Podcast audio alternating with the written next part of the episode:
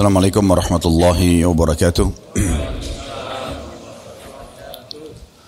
Alhamdulillah kalimat suci, kalimat mulia yang selalu terucapkan dari lisan orang-orang yang beriman kepada Sang Pencipta Allah dengan penuh keyakinan setiap orang di antara kita yang mengaku muslim meyakini bahwasanya kalimat alhamdulillah kalimat penghubung antara dia sama Tuhannya Allah di mana Allah menjadikannya sebagai kalimat syukur atau berterima kasih yang tentu dengan mengucapkan atau sering mengucapkan kalimat ini sebagaimana janji Allah segala kebutuhan kita untuk roda kehidupan di muka bumi ini dan puncaknya nanti di akhirat masuk ke dalam surga akan terpenuhi.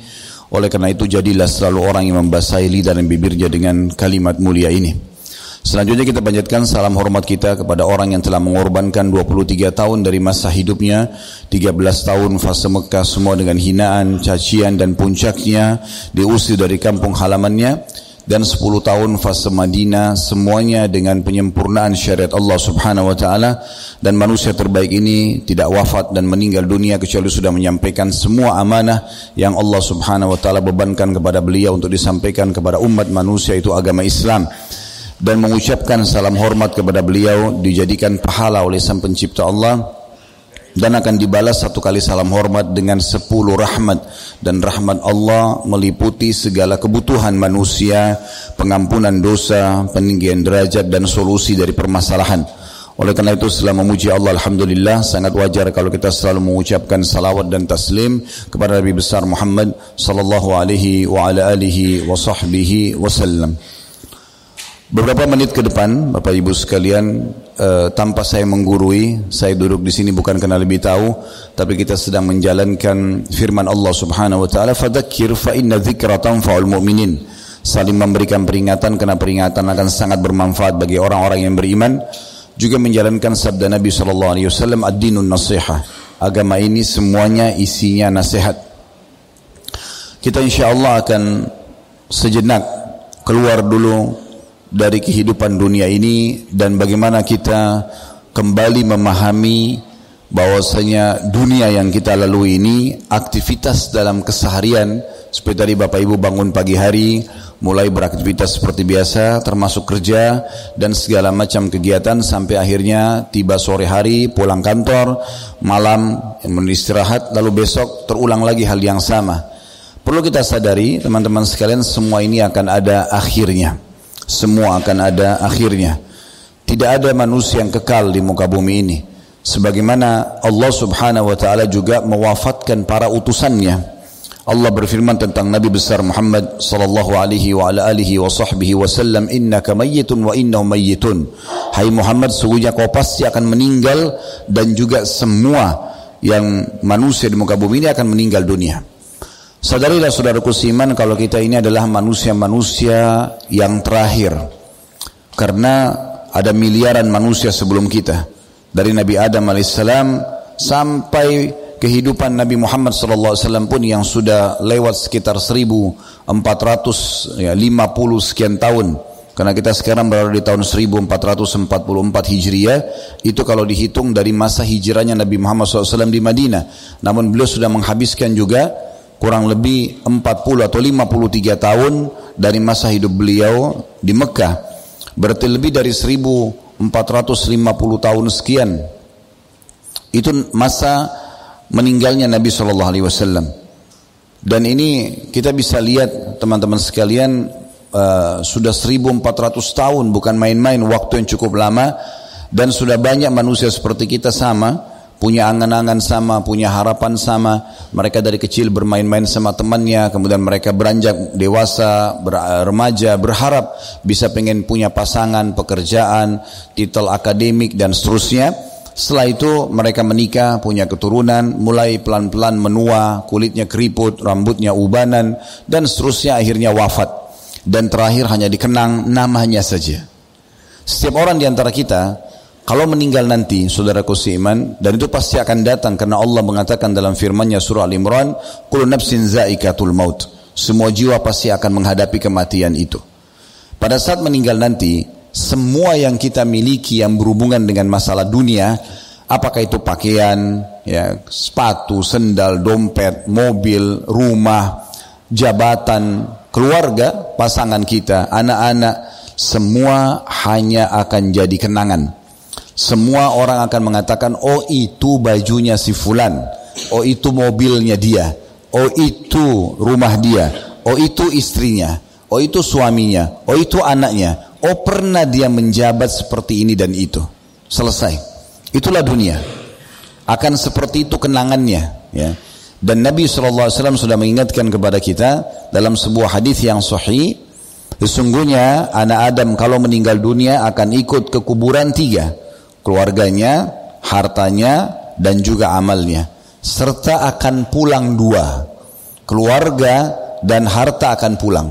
Secinta-cintanya istri pada suami, suami pada istri, orang tua sama anak, anak sama orang tua, teman sejawat dengan temannya, partner bisnis dengan partnernya, bawahan dengan atasan, atasan dengan bawahan, paling lama yang masih hidup menunggu setengah jam di kuburan. Setelahnya Anda akan ditinggal. Ya, tidak ada orang yang menginap, tidak ada istri yang menginap di kuburan suaminya atau sebaliknya. Tidak ada juga anak yang menginap di kuburan orang tuanya itu sebaliknya. Tidak pernah itu terjadi. Paling lama setengah jam mereka akan pulang. Istri bisa menikah lagi, suami bisa menikah lagi, anak-anak beraktivitas seperti biasa, rumah kita sudah menjadi warisan, kendaraan jadi warisan, dan sisanya jadi kenangan semua. Mobil pun kendaraan maksimal di pagar kuburan. Semewah apa pun mobil yang anda miliki, maka hanya bisa parkir di pagar kuburan. Tidak akan ikut ke liang lahat. Sebesar apa pun rumah yang kita miliki di dunia, Rumah terakhir kita nanti seperti yang Bapak Ibu sering lihat, kalau dari rumah ke kantor lewati pemakaman, itulah satu kali dua meter. Itu tempat kita nantinya. Dan kata Nabi Shallallahu Alaihi Wasallam tinggal bersama dia amalnya. Ya ini yang tadi Bapak Ibu harus kerjakan sholat, sekarang dulu di majelis ilmu, mungkin tadi pagi zikir pagi, mungkin tadi pagi sempat sedekah, sekarang kita lagi puasa, mungkin ada Bapak Ibu yang Allah mudahkan di Ramadan ini. Umroh misalnya, karena ingin mengejar pahala umroh Ramadan bersama haji Nabi Shallallahu Alaihi Wasallam atau pahalanya sama dengan haji bersama Nabi, atau apa saja kegiatan-kegiatan, nah itu yang akan tinggal bersama kita. Ramadan ini sekarang mengajarkan kita untuk itu bahwasanya hidup kalian, tujuan hidup kalian adalah beribadah dan mengabdi kepada Allah Subhanahu wa taala. Dunia ini bukan tidak boleh kita kejar prestasinya. Islam membolehkan setiap penganutnya untuk memakai pakaian yang terbaik, memakan makanan yang terbaik, memiliki kendaraan, rumah, pasangan hidup, keturunan, jabatan, apa saja. Selama lima huruf halal, silahkan nikmati. Dan jauhi lima huruf yang lain haram, maka aman. Silakan. Tidak pernah Islam melarang kita mengejar prestasi terbaik, tapi bukan menjadi tujuan utama. Kapan menjadi tujuan utama, maka kita keluar dari real kita. Saya ingin menyampaikan teman-teman sekalian, di dalam Al-Quran, Allah subhanahu wa ta'ala menyebutkan tentang dunia ini ada 114 ayat. Semuanya isinya tentang ya Bagaimana agar setiap orang menyadari dunia sebentar, dia akan lalui, maksimalkan dengan hal-hal yang baik. Kalau seandainya seseorang di antara kita selama hidup di dunia ini, waktu-waktu detik yang dia lalui diisi dengan amal saleh, kepatuhan kepada Allah Subhanahu wa taala, kalau bahasa sederhana menjadi orang saleh dan salehah, maka beruntunglah dia. Karena di dunia dia bisa nikmati makanan, minuman, pakaian, pekerjaan, jabatan, pendidikan, segala macam, ya tetapi itu semua dibawa menuju ke akhirat sana. Saya ingin berbagi sebuah kisah. Ada seorang kaum salafus saleh dulu, orang kisah klasik masa dulu. Dia bersama partner-partner teman-teman bisnisnya membangun banyak usaha. Tetapi uniknya teman-temannya berbeda sama dia. Dia sendiri berbeda. Dia membagi keuntungan perusahaannya menjadi tiga bagian. Satu bagian sepertiganya itu dikembali disedekahkan jalan Allah, sepertiganya dikembalikan untuk modal usahanya dan sepertiga dipakai untuk kebutuhan keluarganya. Sehingga orang ini bisa dikatakan tidak punya tabungan. Tidak punya tabungan. Memang investasinya besar, usahanya maju berkembang pesat, keluarganya terpenuhi. Namun dia tidak punya tabungan karena dia tidak nabung. Setiap sisa dari sepertiga hartanya maka disedekahkan. Teman-temannya sempat berkata sekian tahun setelah berjalan, sesungguhnya kamu tidak punya tabungan. Lihatlah gudang-gudang harta kami penuh dengan harta. Kamu tidak sayang dengan hartamu. Maksudnya kenapa tidak ada tabungannya? Maka dia tersenyum sambil mengatakan, sesungguhnya kalian yang tidak sayang dengan harta kalian. Saya ini saking sayangnya sama harta saya sampai saya bawa harta itu ke sana, maksudnya ke akhirat. Sedekah ini bukan harta itu hilang.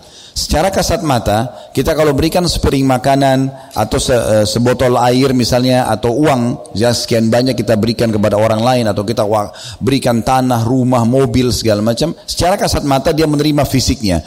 Tapi dalam hukum syariat Islam digambarkan itu akan dibawa ketimbangan amal kita pada hari kiamat.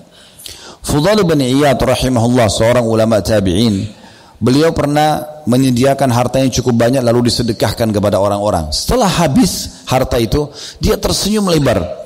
Lalu dia mengatakan kepada murid-muridnya di sekitarnya lihatlah orang-orang ini jalan membawa amal-amalku ketimbangan amalku tanpa diupah sedikit pun Begitu dia memahaminya. Maksudnya yang dia berikan dari makanan, dari pakaian, dari harta ini secara kasat mata memang fisiknya diterima oleh orang tersebut.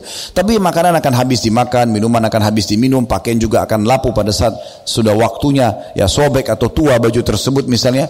Tetapi nilai itu akan dibawa ketimbangan amal pada hari kiamat. Begitulah gambaran para orang-orang yang memahami bahwasanya dunia boleh dimiliki. Tetapi untuk dibawa menuju ke akhirat sana. Kalau ini difahami saudaraku seiman, tidak akan ada persaingan-persaingan negatif dalam jabatan, dalam pekerjaan. Karena orang selalu berpikir bagaimana menunggangi untuk akhiratnya. Tidak ada kecurangan, tidak ada korupsi, tidak ada hal-hal yang dikhawatirkan yang membuat nanti dia akan dihisap oleh Allah subhanahu wa ta'ala. Sementara tentang akhirat Allah sebutkan hanya 43 ayat. Tapi semuanya pujian. Semuanya isinya tentang pujian masalah akhirat itu. Kita dengarkan misalnya Allah Subhanahu wa taala menyebutkan bagaimana setiap muslim harus bermuamalah dengan umur yang Allah berikan semasa di dunia.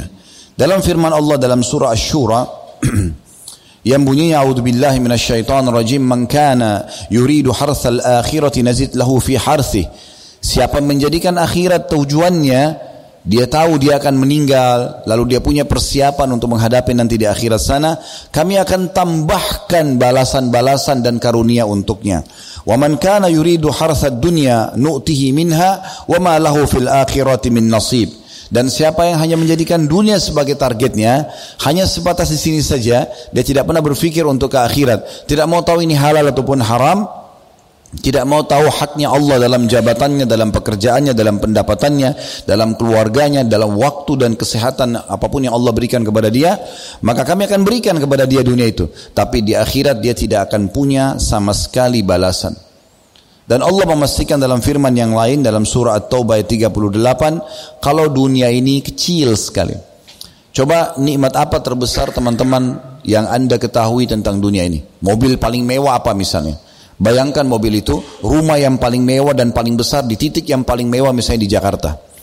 Pekerjaan jabatan yang paling tinggi misalnya, fisik, paras wajah, warna kulit, rambut, ya e, postur tubuh semua yang paling ideal misalnya. Pasangan hidup yang paling ya dipuji oleh orang, anak-anak yang paling banyak misalnya. Nah, kita bayangkan semua yang paling besar itu dari urusan dunia ini sampai orang semua menjadikan kita buah bibir jadi pembicaraan, semua itu hanya nilainya kecil dibandingkan dengan apa yang akan dibalas oleh Allah nanti di akhirat bagi orang-orang beriman. Allah kekalkan, bukan perkataan saya. Dalam firmannya surah At-Taubah 38, "Fama mata'ud dunya fil akhirati illa qalil." Ketahuilah bahwasanya semua perhiasan dunia, semua apa yang kalian miliki di dunia ini dari jabatan tadi dan apa pun yang sudah kami sebutkan atau paparkan tadi dibandingkan dengan akhirat hanya sesuatu yang sangat kecil. Allah juga mengingatkan dalam surah An-Nisa ayat 77 yang bunyinya Qul mata'ud dunya qalilun wal akhiratu khairun liman ittaqa wa la tudlamuna syai'a. Katakanlah hai Muhammad kepada umat manusia sampaikan firman ini. Bahwasanya kehidupan dunia dan kenikmatan yang di dalamnya hanya sebentar. Dan ketahuilah akhirat itu jauh lebih baik eh, dan mereka tidak akan didolimi sedikit pun. Apa pun yang kita kerjakan akan kita terima balasannya nanti. Allah juga mengingatkan dalam firman yang lain dalam surah Al-An'am ya, ayat 62 ya, atau 32 tepatnya Allah berfirman, "Wa hayatu dunya illa la'ibun walahu." Sesungguhnya kehidupan dunia ini hanya waktu yang terlewatkan penuh dengan senda gurau. Seperti orang mimpi saja berlalu. Teman-teman mungkin pernah reunian ketemu sama teman tamatan SD, tamat SMP, tamatan SMA. Lalu kita bilang, oh kamu ingat gak dulu kamu di kelas seperti ini? Kamu ingat dulu kan di halaman sekolah kamu seperti ini? Seperti kemarin terjadi. Padahal mungkin sudah berlalu 40-50 tahun yang lalu. Begitulah kehidupan dunia. Semua akan berlalu. Di saat nanti malaikat mau datang menjemput ajal kita, kita akan melihat semua histori hidup kita. Dari mulai jatuh dari rahim ibu kita yang pertama, tangisan pertama, kedipan mata pertama, sampai semua apa yang kita lalui, baik buruknya kehidupan ini dan akhirnya pada saat kita wafat, oh ternyata hanya seperti ini ya histori saya. Gitu kan. Maka rugi sekali kalau seandainya orang melalui masa-masa dunianya ini yang Allah sudah berikan dia untuk menikmati yang halal kalau dia tidak tujuankan bawa itu menuju ke akhirat sana Nabi Muhammad SAW menyebutkan dalam banyak hadis beliau yang perlu kita renungi sama-sama. Beliau pernah memberikan perumpamaan yang unik sekali. Di dalam hadis yang sahih diriwayatkan Imam Ahmad, "Inna mat'am ibn Adam ju'ila masalan di dunia." Ketahuilah makanannya anak Adam, ya makanan kita semua manusia se, semewah apa pun makanan tersebut ya seguri apa pun ya sewangi apa pun apalah sesempurna apa pun makanan tersebut kata Nabi SAW dijadikan sebagai perumpamaan dunia. Wa in kazzahahu wa mallahahu. Walaupun dia sudah bumbuhi dengan aneka bumbu dia sudah berikan garam yang cukup fandur ila ma yasir. Tapi lihat ujung-ujungnya akan ke mana Mungkin kita sudah tahu semuanya. Akan ke mana makanan tersebut? Yang dibutuhkan oleh tubuh kita akan jadi nutrisi, sisanya jadi kotoran. Bahkan tidak ada orang yang antara kita yang mau menahan ampas kotoran itu. Nabi SAW menjadikan perumpamaan dunia seperti itu. Dalam riwayat lain, Nabi SAW bertanya kepada seorang sahabat sambil mengatakan, Kira-kira apa makanan dan minumanmu? Dia mengatakan susu dan daging ya Rasulullah. Kita tahu ini makanan yang paling favorit. Orang semua minum susu, orang semua makan daging. Dan biasanya dianggap ini orang yang mampu makan. Maka kata Nabi SAW, kalau seandainya sudah kamu konsumsi, akan jadi apa itu? Maka dia mengatakan, karena dia santun sama Nabi, dia mengatakan, ya Rasulullah, akan jadi seperti anda sudah tahu. Maksudnya, akan menjadi kotoran gitu yang tidak dibutuhkan oleh tubuh. Kata Nabi SAW, sungguhnya Allah menjadikan perumpamaan dunia kalian seperti ampas makanan itu. Jadi bukan makanannya lagi, tapi seperti ampas makanan itu. Bapak ibu sekalian, saya bukan sedang menghina dunia, seakan-akan kita jangan bekerja, jangan begini, bukan. Tolong difahami masalah ini. Tapi jangan dunia menjadi target utama sehingga anda tidak mau tahu ini halal atau haram. Nanti akhirnya dihisap sama Allah SWT. Tapi kalau anda nikmati dunia untuk mendapatkan yang terbaik di akhirat, itu yang sedang jadi target.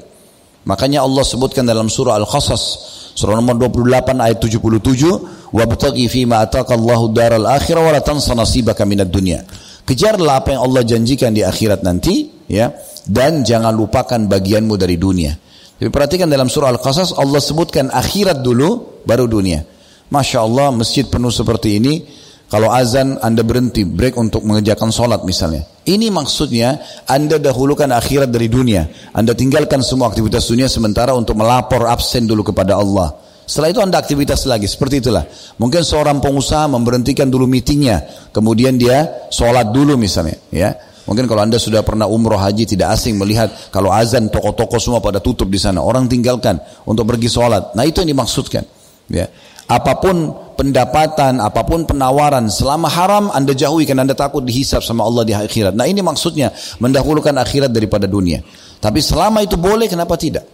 Perlu teman-teman garis bawah ya, saya pernah dengar di tengah-tengah masyarakat kita ada statement mengatakan yang yang haram aja susah, apalagi yang halal. Dia sembunyi di belakang kalimat ini, seakan-akan yang halal itu susah. Keliru sekali. Keliru, teman-teman kerja di sini halal, gitu kan? Lembaga pemerintah resmi Masya Allah pekerjaan jelas apa yang jadi masalah gitu kan? Dan sekian banyak pekerjaan halal. Yang haram itu Allah subhanahu wa ta'ala jadikan sedikit sedikit ya sekali lagi dan hanya sebagai ujian. Coba perhatikan Bapak Ibu sekalian. Allah berikan kita nafsu untuk makan daging misalnya. Maaf saya singgung makanan walaupun kita puasa hanya sebagai contoh.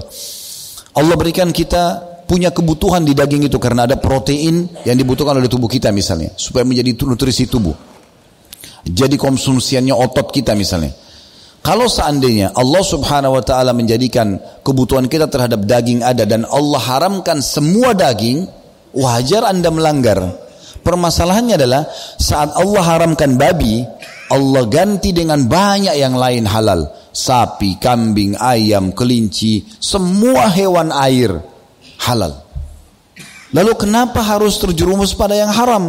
Toh haram itu sedikit. Allah haramkan khamr, jangan konsumsi yang memabukkan, narkotika, minuman keras misalnya. Allah ganti air putih, madu, sirup. Kalau kita Indonesia banyak jamu, banyak yang lainnya. Allah berikan kita hawa nafsu. Karena kalau tidak ada nafsu, suka dengan lawan jenis, maka tidak ada populasi manusia. Kan gitu. Kalau saya di sini sama bapak tidak suka perempuan, perempuan mungkin akhwat kita di sana tidak suka sama laki-laki, mana ada populasi manusia? Kita nggak akan tuangkan sperma kita, kita tidak akan lampiaskan biologis kita. Tapi Allah bebankan dalam diri kita, tertarik, mata ingin melihat, bibir ingin mencium, tangan ingin memeluk. Memang begitu, kemaluan ingin dengan kemaluan. Itu fitrah. Tapi Allah haramkan zina dengan cara yang tidak benar. Allah buka pintu lain nikah. Kan begitu. Ada solusinya, bukan tidak ada. Kenapa nggak nikah saja? Kenapa harus masalahnya di zina? Padahal orang kalau berzina, semewah apa pun hotel itu, tetap aja dia ketakutan. Dan permasalahannya, ketakutan dalam biologis membuat kualitas sperma yang nanti merupakan ya ini bibit manusia itu jadi buruk.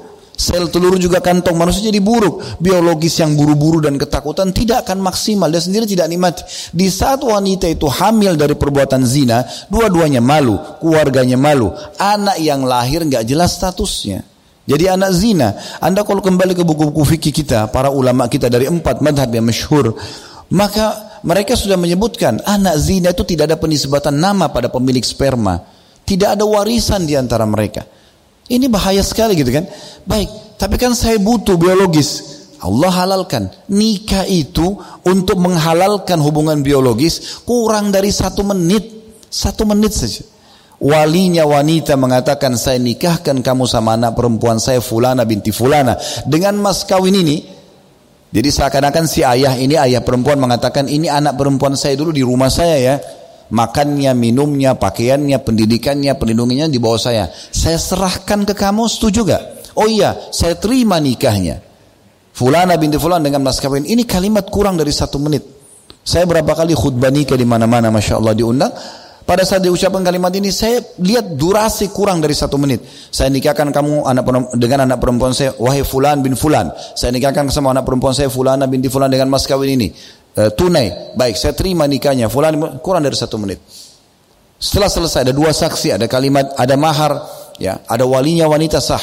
Setelah itu mereka biologis. Bedakan yang haram tadi ketakutan, kalau yang halal semua orang pengantin baru gembira kualitas spermanya jadi bagus, sel telurnya juga jadi bagus. Kalau hamil dua-duanya gembira. Semua wanita kalau hamil dari hasil pernikahan resmi, walaupun perutnya besar, ibu hamil ya? Iya, dengan bangga dia sebutkan. Akhir lahir anaknya jadi jelas statusnya. Orang tahu siapa orang tuanya. Islam datang menjelaskan itu. Lalu kenapa terjerumus pada yang haram? Kata Nabi Muhammad SAW, kalau ada yang di sini mengatakan, tapi saya lihat lawan jenis saya tertarik Ustaz.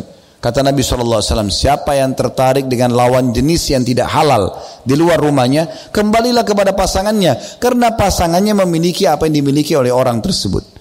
Kita ini teman-teman sekalian, cuma beda casing, tapi sama judul. Saya sama bapak-bapak sini sama, kan judulnya laki-laki kan. Beda casing iya. Yang satu mancung, yang satu pesek, yang satu putih, yang satu hitam, yang satu keriting, yang satu lurus, satu pendek, satu tinggi. Beda casing. Judulnya laki-laki. Sama kemaluannya ujung-ujungnya. Kan begitu. Perempuan juga sama beda casing. Syaitan suka mengemas casing itu supaya kita jadi pada yang salah. Oh, ini beda bajunya. Baju aja beda sudah cukup berbuat berzina. Kan ini aneh, gitu kan? Padahal sebenarnya kita sudah punya yang halal. Kata Nabi SAW kepada para sahabat miskin, pernah mereka datang kepada Nabi SAW mengatakan, Ya Rasulullah, sahabat-sahabat kami yang kaya, mengalahkan pahala kami. Karena kami sholat, mereka sholat. Kami puasa, mereka puasa. Tapi mereka punya kelebihan karena mereka bersedekah dengan hartanya. Kami nggak punya.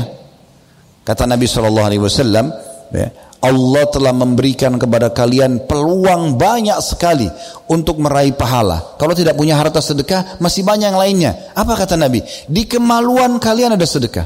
Karena orang miskin juga bisa menikah. Artinya biologis halal ada pahalanya. Sahabat heran, ya Rasulullah, apakah kami menggauli istri kami dapat kenikmatan? Kami dapat pahala? Kata Nabi SAW, kalau kalian letakkan pada yang haram, dapat pahala, dapat dosa nggak? Kalau zina, tentu saja. Maka kata Nabi SAW begitu juga pada yang halal, dapat pahala. Ya makanya Abdullah bin Umar radhiyallahu anhu, ini maaf saya cuma menyinggung ada riwayat masalah itu ya.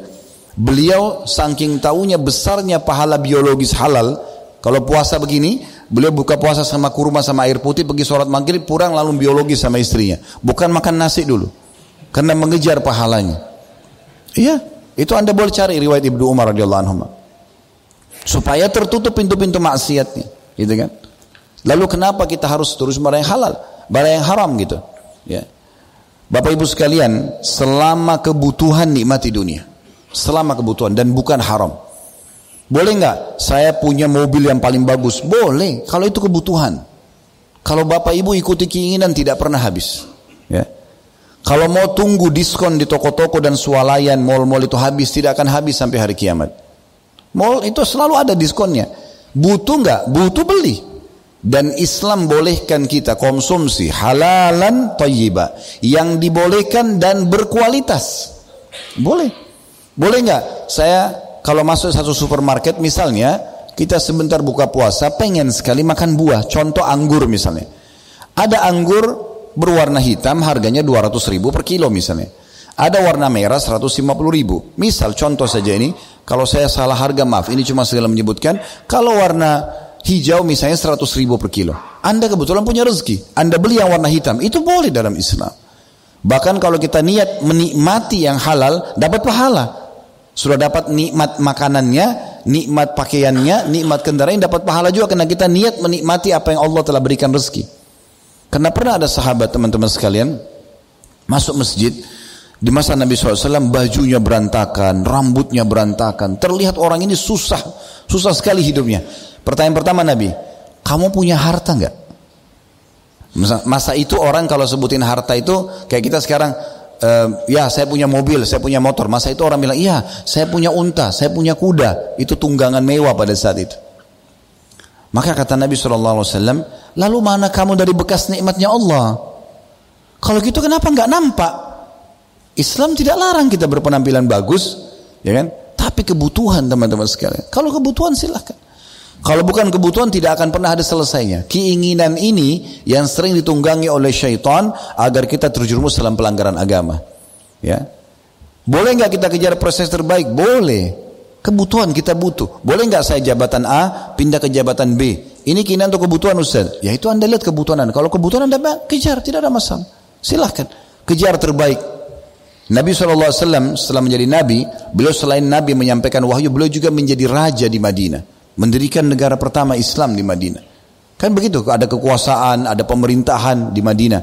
Setelahnya, sahabat-sahabat yang terkenal zuhud. Empat orang ini adalah simbol kezuhudan. Kalau teman-teman kembali ke buku-buku zuhud, anda akan temukan nama empat orang ini masyhur. Abu Bakar, Umar, Uthman, Ali radhiyallahu anhu majma'in. Empat khulafa Rasyidin yang menjadi raja umat Islam. Kalau anda baca kitab-kitab zuhud, mendahulukan akhirat dan dunia, anda ketemukan nama-nama mereka. Ada. Tapi mereka jadi raja-raja Kan? Mereka juga punya kuda yang terbaik, mereka punya rumah, mereka di setiap rumah ada pembantunya. Teman-teman sudah tahu belum kalau Nabi Muhammad SAW sendiri pribadi punya beberapa orang pembantu. Ada yang beliau tunjuk jadi pembantu diberikan upah, ada yang memang datang berkhidmat kepada Nabi SAW. Abdullah bin Mas'ud siap itu menghidmat kepada Nabi untuk membantu Nabi hanya menyiapkan sendal dan siwaknya Nabi.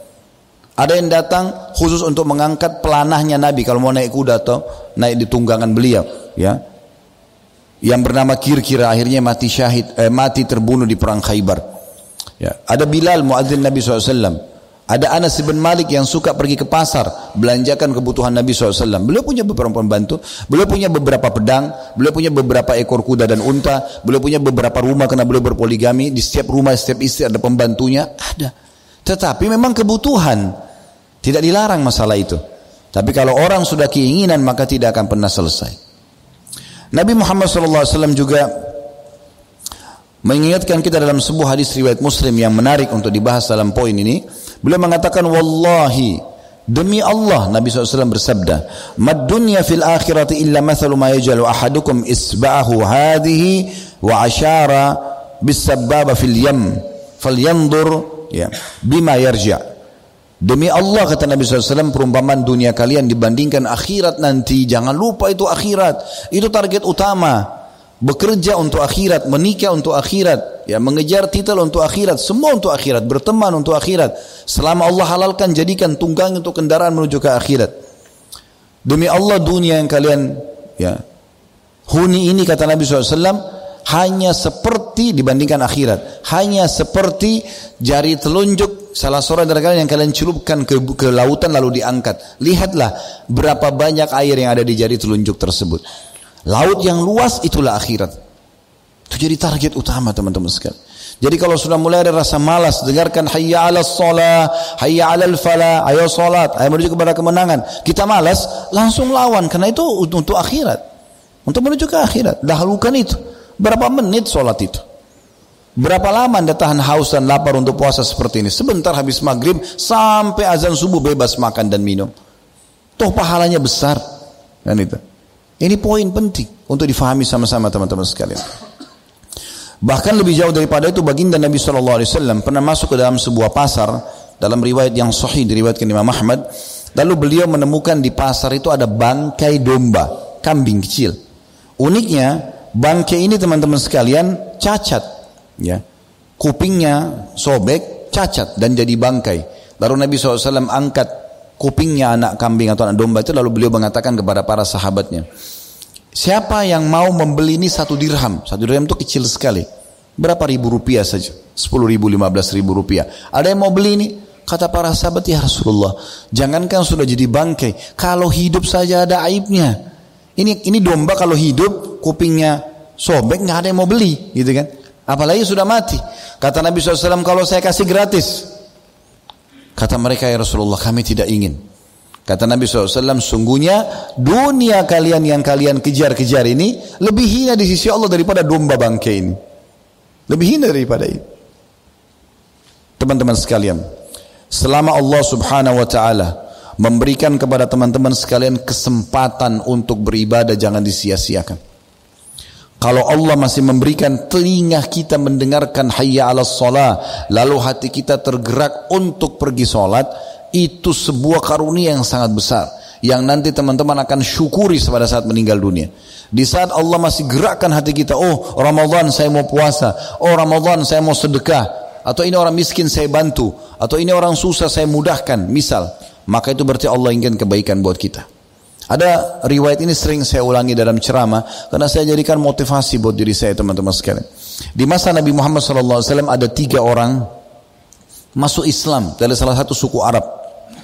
Tiga orang ini pada saat masuk Islam tinggal di rumahnya Talha bin Ubaidillah radhiyallahu anhu. Talha bin Ubaidillah ini salah satu dari sepuluh orang yang dijamin masuk surga. Talha bercerita, berjalan waktu Salah satu dari tiga orang yang masuk Islam yang mu'allaf tinggal di rumahnya ini, dia bilang ikut berperang, mati syahid. Berjalan waktu lagi, orang yang kedua ikut juga berperang, mati syahid. Berjalan waktu lagi, dia bilang, tidak disebutkan waktu berapa lama, berjalan waktu lagi, orang yang ketiga mati tapi di atas ranjang. Nggak ikut berperang, mati biasa. Seperti orang tahu sakit atau dia tidak sakit pun tidur, bangun sudah tidak ada lagi nyawanya. Meninggal dunia. Maka Talha bin Ubaidillah malam harinya mimpi radhiyallahu anhu. Beliau mimpi di surga diperlihatkan oleh Allah Subhanahu wa taala orang yang mati terakhir yang mati bukan mati syahid di medan perang itu ada di paling depan. Fasilitasnya paling bagus. Lalu datang orang yang mati syahid yang kedua, lalu orang mati syahid yang pertama. Yang di pemahaman Talha selama ini, yang mati syahid pertama ini yang paling tinggi derajatnya. Kok sekarang yang mati terakhir dan mati biasa di atas ranjang? Kok bisa dia yang paling depan dan paling bagus fasilitasnya? Ini mengganggu dia. Dia bangun, terkait Habis sholat subuh dia tanya kepada Nabi SAW, Ya Rasulullah, itu tiga orang yang tinggal di rumah saya kemarin, mereka semua sudah meninggal. Tapi kok saya mimpi begini? Bagaimana saya bisa memahami ini? Kok bisa yang mati di atas ranjang justru yang paling bagus fasilitasnya? Selama ini kita tahu orang kalau mati syahid di perang luar biasa pahalanya. Maka Nabi SAW sambil senyum mengatakan, Wahai Talha, mana kamu dari perhitungan hari-hari ya yang sempat orang yang mati terakhir mengerjakan sholat mengerjakan puasa. Itu sudah cukup untuk bisa mengalahkan pahala orang-orang yang selamat syahid sebelumnya. Jadi kalau Bapak Ibu masih diberikan kesempatan ibadah itu luar biasa. Jangan disia-siakan. Dalam riwayat lain, pernah ada dua orang bersahabat di masa Nabi SAW, yang satu meninggal mati syahid, ini cuma selisih sepekan. Sepekan kemudian temannya mati tapi mati biasa, bukan mati syahid. Dua-duanya disolati oleh Nabi SAW. Waktu mensolati jenazah kedua sepekan kemudian, kata Nabi SAW kepada para sahabat, menurut kalian bagaimana perbandingan antara orang ini dengan temannya yang meninggal mati syahid pekan lalu. Sahabat-sahabat itu faham orang mati syahid pasti tinggi derajatnya dan memang itu betul tinggi derajatnya. Lalu kata mereka, ya Rasulullah, semoga saja jenazah ini bisa Allah susulkan kepada sahabatnya. Maksudnya karena mereka bersahabat sama-sama nanti derajat di surga. Seakan-akan mereka bilang karena ini lebih rendah daripada yang mati syahid. Apa kata Nabi SAW? Demi zat yang jiwaku dalam genggaman maksud demi Allah sesungguhnya ini jenazah yang sekarang ini ya jarak derajatnya berbandingan dengan yang meninggal pekan lalu mati syahid itu antara langit sama bumi ini lebih tinggi derajatnya karena sepekan itu sempat sholat lima waktu sempat dapat Jumat sekali sempat bersedekah beberapa hari coba bayangkan jadi di saat Allah memberikan anda kesempatan, teman-teman sejawat anda yang sepupu anda, yang tanggalnya mungkin lahir bersama dengan anda atau bulannya atau tahunnya, sudah meninggal anda masih hidup, Allah masih berikan anda kesempatan. Jangan disia-siakan. Nabi Muhammad SAW juga pernah melewati teman-teman sekalian sebuah kuburan bersama para sahabat. Lalu Nabi SAW berhenti. Pada saat berhenti semua sahabat berhenti. Lalu Nabi SAW bersabda sambil menunjuk kuburan itu. Demi zat yang jiwaku dalam genggaman maksud demi Allah, pemilik kuburan ini, pemilik kuburan ini, ya, lebih menyukai dan mencintai dua rakaat yang kalian sempat kerjakan daripada dunia dan seluruh isinya. Maksudnya apa? Kalau dia disuruh hidup lagi kembali sekarang dan kita suruh dia pilih, dia tidak akan kembali ke makanan favoritnya. Dia tidak akan kembali kumpul dengan pasangannya. Dia tidak akan kembali untuk mengejar jabatannya. Meetingnya yang miliaran tidak. Kalau dia tahu dia dihidupkan beberapa saat, maka dia hanya hidup hanya untuk mengerjakan sholat dua rakaat lalu meninggal lagi. Dan itu benar teman-teman sekalian. Kita pada saat meninggal dunia nanti, maka kita berharap bisa kembali ke dunia hanya untuk mengerjakan amal soleh. Kemudian kita meninggal lagi. Dan ini momentum mumpung Ramadan, Bapak Ibu sekalian jangan disia-siakan. Ini adalah lembaga training spiritual terbesar di dunia. Ini sebagai penutup penyampaian kami, ini lembaga training spiritual terbesar di dunia. Ya. Kalau Anda pernah ikuti lembaga-lembaga training spiritual di Indonesia banyak ya, Biasa satu perusahaan ikutkan pegawainya untuk supaya bisa berubah, ya, untuk memunculkan satu skill spiritual, jujur misalnya, amanah misalnya dan seterusnya, maka bayar mahal. Tujuannya karena menganggap trainernya bagus, para staffnya bagus, menggunakan multimedia yang bagus, Anda pun outputnya bagus kan gitu. Tapi teman-teman sekalian tanpa kita sadari, kalau kita sudah sadar, Alhamdulillah. Banyak umat Islam tidak sadari masalah ini. Makanya mereka lalaikan Ramadan. Ramadan ini lembaga training termasy- ter, tercanggih termutakhir di muka bumi ini. Trainernya bukan lagi manusia tapi Allah subhanahu wa ta'ala langsung. Staffnya semua para malaikat. Pesertanya terbesar di dunia. Sekarang kita tidak usah sebut kota atau desanya. Per benua saja. Supaya kita ringkaskan. Benua Eropa, benua Afrika, benua Amerika, Asia, Australia. Semua ini kalau anda ke mana pun di saat sekarang ini. Semua umat Islam lagi membenahi diri dan memperbaiki diri mereka. Semua mereka ikuti program-program terbaik. Zikirnya, doanya, sedekahnya, puasanya, baca Qurannya, tarawihnya dan ini adalah amalan-amalan yang memang untuk membawa kita menuju ke akhirat. Supaya kita di training satu bulan ini selesai. Pas idul fitri saran saya.